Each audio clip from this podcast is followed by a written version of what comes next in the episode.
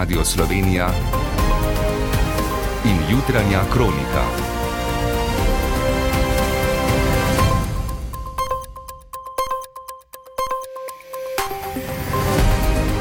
Ura je sedem. Dobro jutro. Prva moška skakalna preizkušnja na svetovnem prvenstvu v planici se ni razpletla po slovenskih željah. Domači tekmovalci so imeli velike apetite, v vetrovni loteriji pa sta bila najboljša Anžela Nišek in Timi Zajc na robu deseterice. Prvak pa je po 13. mestu v prvi seriji in rekordu skakalnice v drugi postal Poljak Piotr Žila. Tako je tekmo opisal Žiga Jelar, ki je zasedal 23. mesto. Mene je danes tale tekma presenetila v vseh možnih pogledih, tako da ja, se bom zadržal. Podrobneje v športnem delu oddaje, v kateri boste lahko slišali tudi. Evropejci razdeljeni glede možnih načinov za končanje vojne v Ukrajini. Italijani danes volijo novega vodjo levo-sredinske demokratske stranke. Na Berlinalu Zlatega medveda za najboljši film prejel dokumentarec. Padavine bodo oslabele, na primorskem se bo burja še okrepila. Z vami sva Matjaš Romih in Benjamin Jeram. Začenjamo z dogajanjem povezanim z vojno v Ukrajini. Finančnim ministrom skupine G20 se na pogovorih v Indiji ni uspelo dogovoriti o skupni izjavi, ker je Kitajska zavrnila, da bi v njej obsodili rusko invazijo v Ukrajini. Namesto skupne izjave je predsedujoča Indija ob koncu dvodnevnega srečanja objavila zgolj povzetek pogovorov. V besedilu navaja, da večina članic ostro obsoja vojno v Ukrajini in da so na dva odstavka o vojni, ki sta bila vzeta iz izjave voditeljev držav G20 novembra lani, pristale vse države, razen Kitajske in Rusije.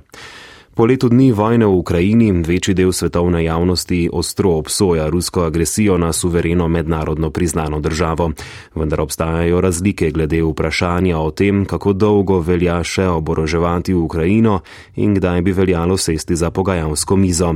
Minula dva dneva so po svetu potekali številni shodi v podporo Ukrajini, v Berlinu pa se je včeraj odvil velik protivojni shod, kjer so udeleženci pozivali proti oboroževanju Ukrajine in zahtevali mirovna pogajanja. Äh, Kot je dejala ena od organizatork shoda, novinarka in borka za pravice žensk Alice Schwarzer, mnoge ankete kažejo, da večina nemških državljanov upa na konec vojne, ki pa bo dosežen s pogajanji in ne neprekinjeno dobavo orožja v Ukrajini. Več Marjan Vešligaj.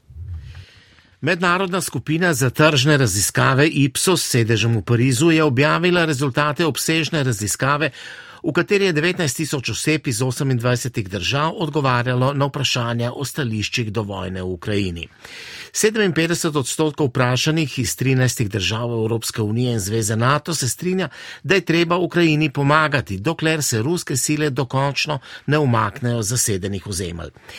Pri tem pa obstajajo razlike, naprimer med Švedsko, kjer takšno stališče podpira 69 odstotkov vprašanih in Mačarsko, kjer to zagovarja 37 odstotkov.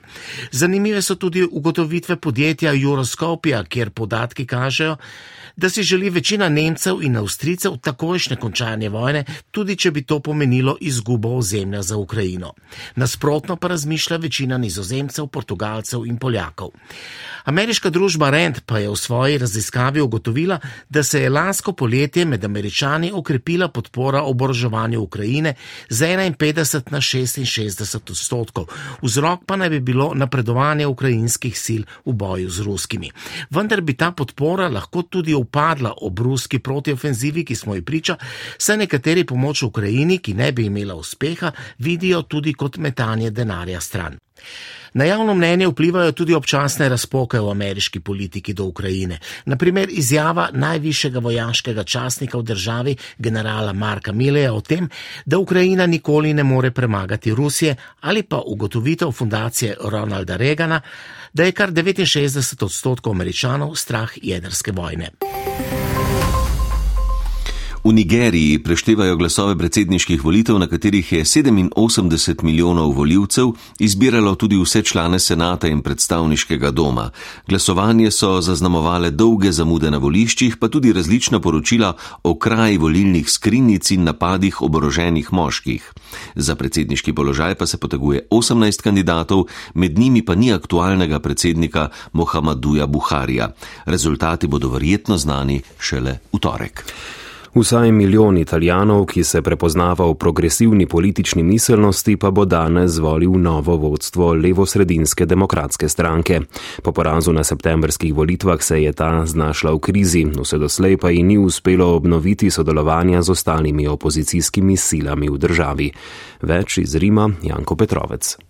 Demokratska stranka, sestavljena iz socialnih, liberalnih in demokrščanskih struj, je na zadnjih parlamentarnih volitvah skupaj z zaveznicami osvojila 19 odstotkov glasov. Čeprav so stranke kot sta Liga in Gibanje petih zvest utrpele hujši osip voljivcev, so se demokrati edini odločili za izbiro novega vodstva. Notranjo krizo opisuje senatorka stranke in slovenska predstavnica v rimskem parlamentu Tatjana Rojc. Se mi zdi, da je stranka implodirala in da ni uspela eh, dobiti neke skupne govorice govorice, ampak da je preveč struj, ki se priliva, izliva. Na primarnih volitvah lahko volijo vsi od 16 let na vzgor, ki imajo državljanstvo ali stalno prebivališče v Italiji. Ostala sta dva kandidata, predsednik države Emilija Romanja Stefano Bonaccini ter vse v besedah mnogo bolj leva poslanka Eli Šlajn. Če bo zmagala Šlajnova, se bojim, da se bo stranka spet razbila. Če bo zmagal Bonaccini, pa je vprašanje, kako bodo odreagirali tisti, ki niso na njegovi strani. Glavni cilj novega vodstva bo celjenje sporov z ostalima strankama opozicije, gibanjem petih zvest in liberalnim tretjim polom. Bistvo je, da nekako vodimo opozicijo in da se zoprstavimo tisti desnici, ki danes vlada in ki je strahotno desna desnica. Izid primarnih volitev bo pomemben tudi za slovence v Italiji, saj je demokratska stranka edina, ki zagotavlja njihovo parlamentarno zastopstvo. Jutranja kronika. Ura je 7 in 6 minut. Na čakalnem seznamu za presaditev organov je v Sloveniji trenutno 161 oseb, 60 jih čaka na presaditev srca, 80 ledvic, 16 jeter, 5 na presaditev pljuč, 3 čakajo na presaditev trebušne slinavke.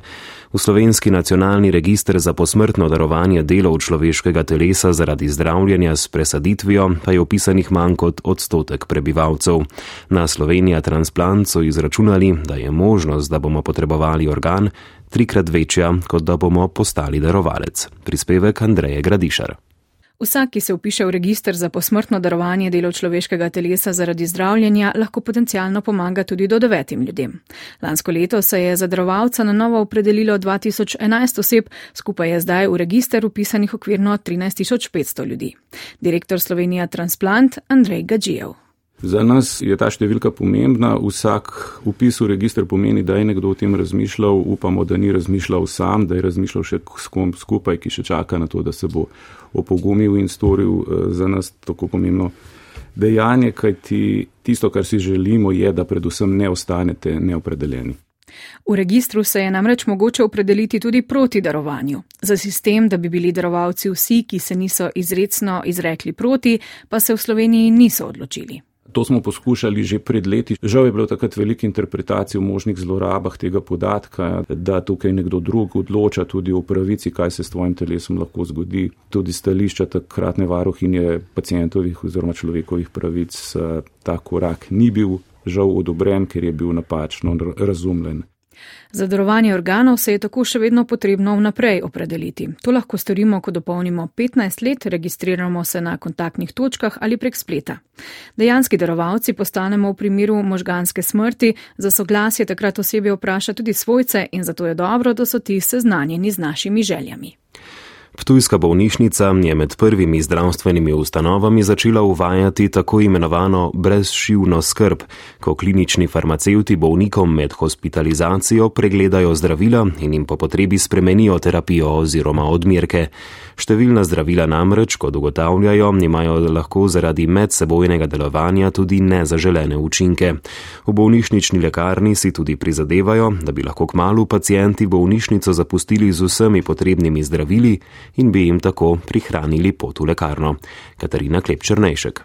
Številni bolniki, tako kot naša sogovornica Olga, na zdravljenje v bolnišnico pridejo z vrečko že predpisanih zdravil, ki jih morajo redno jemati. Za sladkor imam dve, za pritisk imam, za želodec imam pa te proti bolečinam. V povprečju imajo bolniki med 8 in 15 zdravil dnevno, dodaja magistra farmacije Mateja Horvat, ki v Ptujski bolnišnici bdi nad uporabo zdravil bolnikov na internem in kirurškem oddelku. Brezhibna oskrba zdravili je zelo pomembna, opozarja. Sploh pri pacijentih, ki imajo več kot 10 zdravil, pride hitro do kakšne zmešnjave. Zato jim že ob sprejemu v bolnišnico skrbno pregledajo predpisan seznam zdravil, na to pa se v poteku zdravljanja in terapiji uskladijo zdravniki in po potrebi predlagajo prilagoditve tako vrste zdravil kot odmerkov. Med hospitalizacijo tudi pregledamo interakcije med zdravili, kontraindikacije glede na ledvično in jetrno funkcijo. Bolnikom izdelajo osebno kartico zdravil, ki jo dobijo, ko zapuščajo bolnišnico. Odzivi so zelo dobri, pacijenti so zelo veseli teh osebnih kartic zdravil. Včasih ne jemljajo pravilno že odprej. Dejansko vsak pacijent skoraj ob odpustu gre z na novo predpisanim zdravilom domov. Skoraj pri vsakem bolj mu povemo, kako na novo jemati. V Ptujski bolnišnični lekarni jih čaka še zadnji korak, ki ga želijo čimprej uvesti. To je izdaja potrebnih zdravil bolnikom ob odpustu v bolnišnici in jim tako ne bo treba več ponje v zunanjo lekarno. Na gradbišču kanalizacijskega kanala C0 v Črnučah se je včeraj zgodil nov incident. Več lastnikov zemljišč je po poročanju televizije Slovenija skušalo podreti varovalno ograjo. Izbruhnil je pretep z varnostniki, dva človeka sta potrebovala zdravniško pomoč. Lastniki zemljišč trdijo, da so na podlagi geodetskih meritev ugotovili, da dela potekajo tudi na zemljiščih, za katera ljubljanska občina nima gradbenega dovoljenja. V Berlinu se bo danes s programom, ki je namenjen Berlinčanom, končal 73. mednarodni filmski festival. Sinoči je tam potekala posebna slovesnost, na kateri je žirija, ki je letos predsedovala ameriška igralka, režiserka in aktivistka Kristen Stewart, podelila Zlatega medveda in druge nagrade, poroča Ingrid Kovač Brus. Za najboljši film Berlinala je žirija izbrala dokumentarec na Adamoju francoskega režiserja Nikolaja Filiberja. Adamo na seni sredi Pariza je dnevni center, kamor prihajajo ljudje z različnimi psihičnimi težavami. Filiberjevo filmsko oko pa jim sledi z največjo toplino, razumevanjem in zabrisuje meje med bolniki in osebjem. To, da na dokumentarec gledamo kot na film s svojimi pravicami, ga je globoko ganilo. Zato se je boril 40 let. Veliko nagrado žirije je prejel nemški film Rdeče nebo Kristjana Pecolda o mladih, ki v Baltiku preživljajo počitnice, ki jih bodo zaznamovale zavedno. Najboljši režiser je postal francos Filip Garel za film Veliki voz, v njem zaigrajo trije njegovi otroci v zgodbi o družini Lutkarjev. Srebrnega medveda za najboljšo glavno vlogo je prejela Sofija Otero za vlogo osemletnega dečka, ki se sprašuje o svoji spolni identiteti leti v baskovskem filmu 20 tisoč vrst čebel, za najboljšo stransko vlogo pa Taja Ere, ki je zaigrala v nemškem do konca noči. Nagrado za najboljši scenarij je prejela Nemka Angela Šanelec za film Glasba, za poseben umetniški dosežek direktorica fotografije Elen Luvar za Disco Fanta, nagrado žirije pa je prejel portugalski režiser Joao Caniho za slabo življenje. Kot smo pričakovali, je žirija Kristen Stewart presenetila, a nagrade so v glavnem šle v dobre roke. Besedo zdaj prepuščam kolegu iz športnega uredništva Marku Pangercu. V naslednjih minutah več o včerajšnjem in današnjem dogajanju v planici, rezultatih moškega veleslaloma v Kaliforniji in drugih aktualnih športnih dogodkih. Lepo nedeljo vam želim.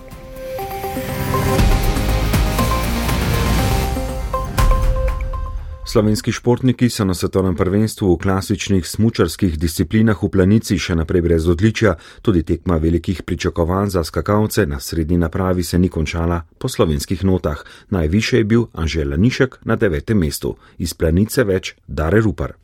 V skokih pa čeprav le na srednji skakalnici se take tekme, kot je bila sinočnja, enostavno dogajajo. Po prvem skoku je bila več kot polovica finalistov v igri za zmagovalni podest. Iz ozadja je v finalu z rekordom naprave 105 metrov to znal izkoristiti Poljak Piotr Žila, ki je naslednji na seznamu tistih, ki so v planici ponovili naslov izpred dveh let.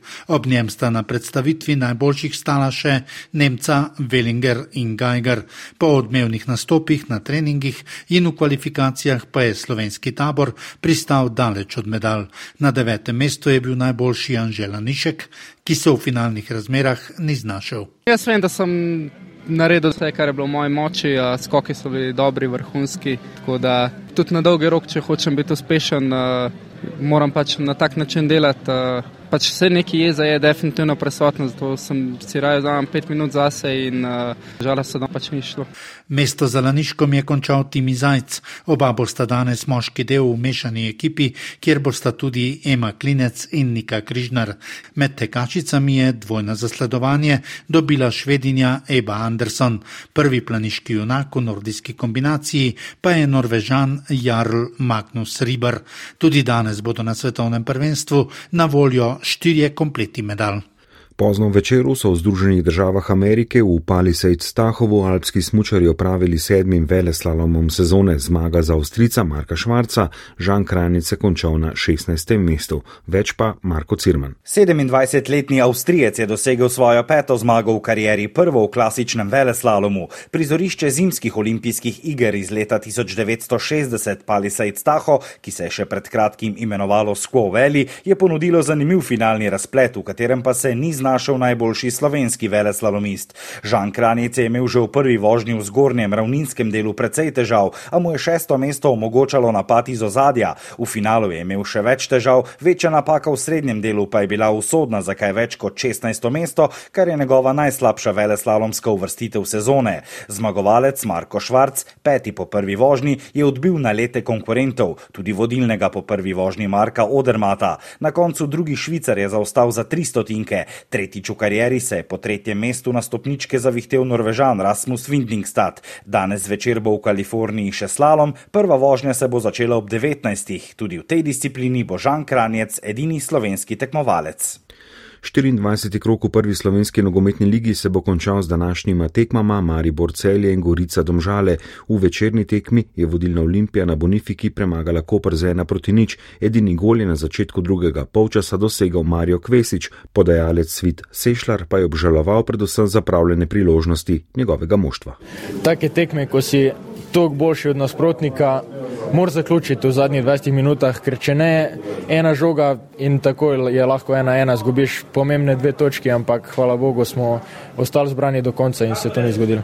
Mislim, da smo zadovoljni s temi devetimi točkami od 12. Prednost je večja na lestvici, ko pa smo prišli po premoru in samo moramo tako nadaljevati. Tekmi Bravo Mura in Radomne tabor sta se končali brez golov. Na evropskem turnirju top 16 v namiznem tenisu v Švici se je Darko Jorgič po lanski zmagi znova prebil med štiri najboljše. Za ovod je izločil Danca Grota brez odanega niza, na to še francoza Gozija 4 proti 2 in nam z prizorišča sporočil. Vedel sem že od začetka, da je vedno težje odbraniti ta naslov, kot pa ga osvojiti. In nekakšen manjši pritisk je tukaj nekaj v zade v glavi. Res sem vesel preboja polfinale. Dvignil sem formo v tistih zadnjih udarcih, eh, začel bom rekel, občutek je bil boljši kot pa prej in eh, res sem vesel preboja polfinale. Hrasničan bo v polfinalu igral z Nemcem Dimitrijem Ovčarovom. V Kotbusu se bo danes končala uvodna tekma svetovnega pokala v športni gimnastiki. Na turnirju prvako je včeraj v finalu na dvovišinski bradlji tekmovala tudi Lucija Hribar, ki je za las ostala brez zmagovalnega odra. Na seskoku sem naredila mal večji korak, kar me je stalo tretjega mesta. 12.833 za četrto Lucijo Hribar, 14.500 je zmagala italijanka Alice Demato. Pred nami je znova tudi športno, pestra nedelja, tudi z rokometnim derbijem med celjem in gorenjem. Poslušali ste jutranjo kroniko. Voditelj Benjamin Jeram, napovedovalec Matjaš Romih, tonski mojster Ambrož Cirej.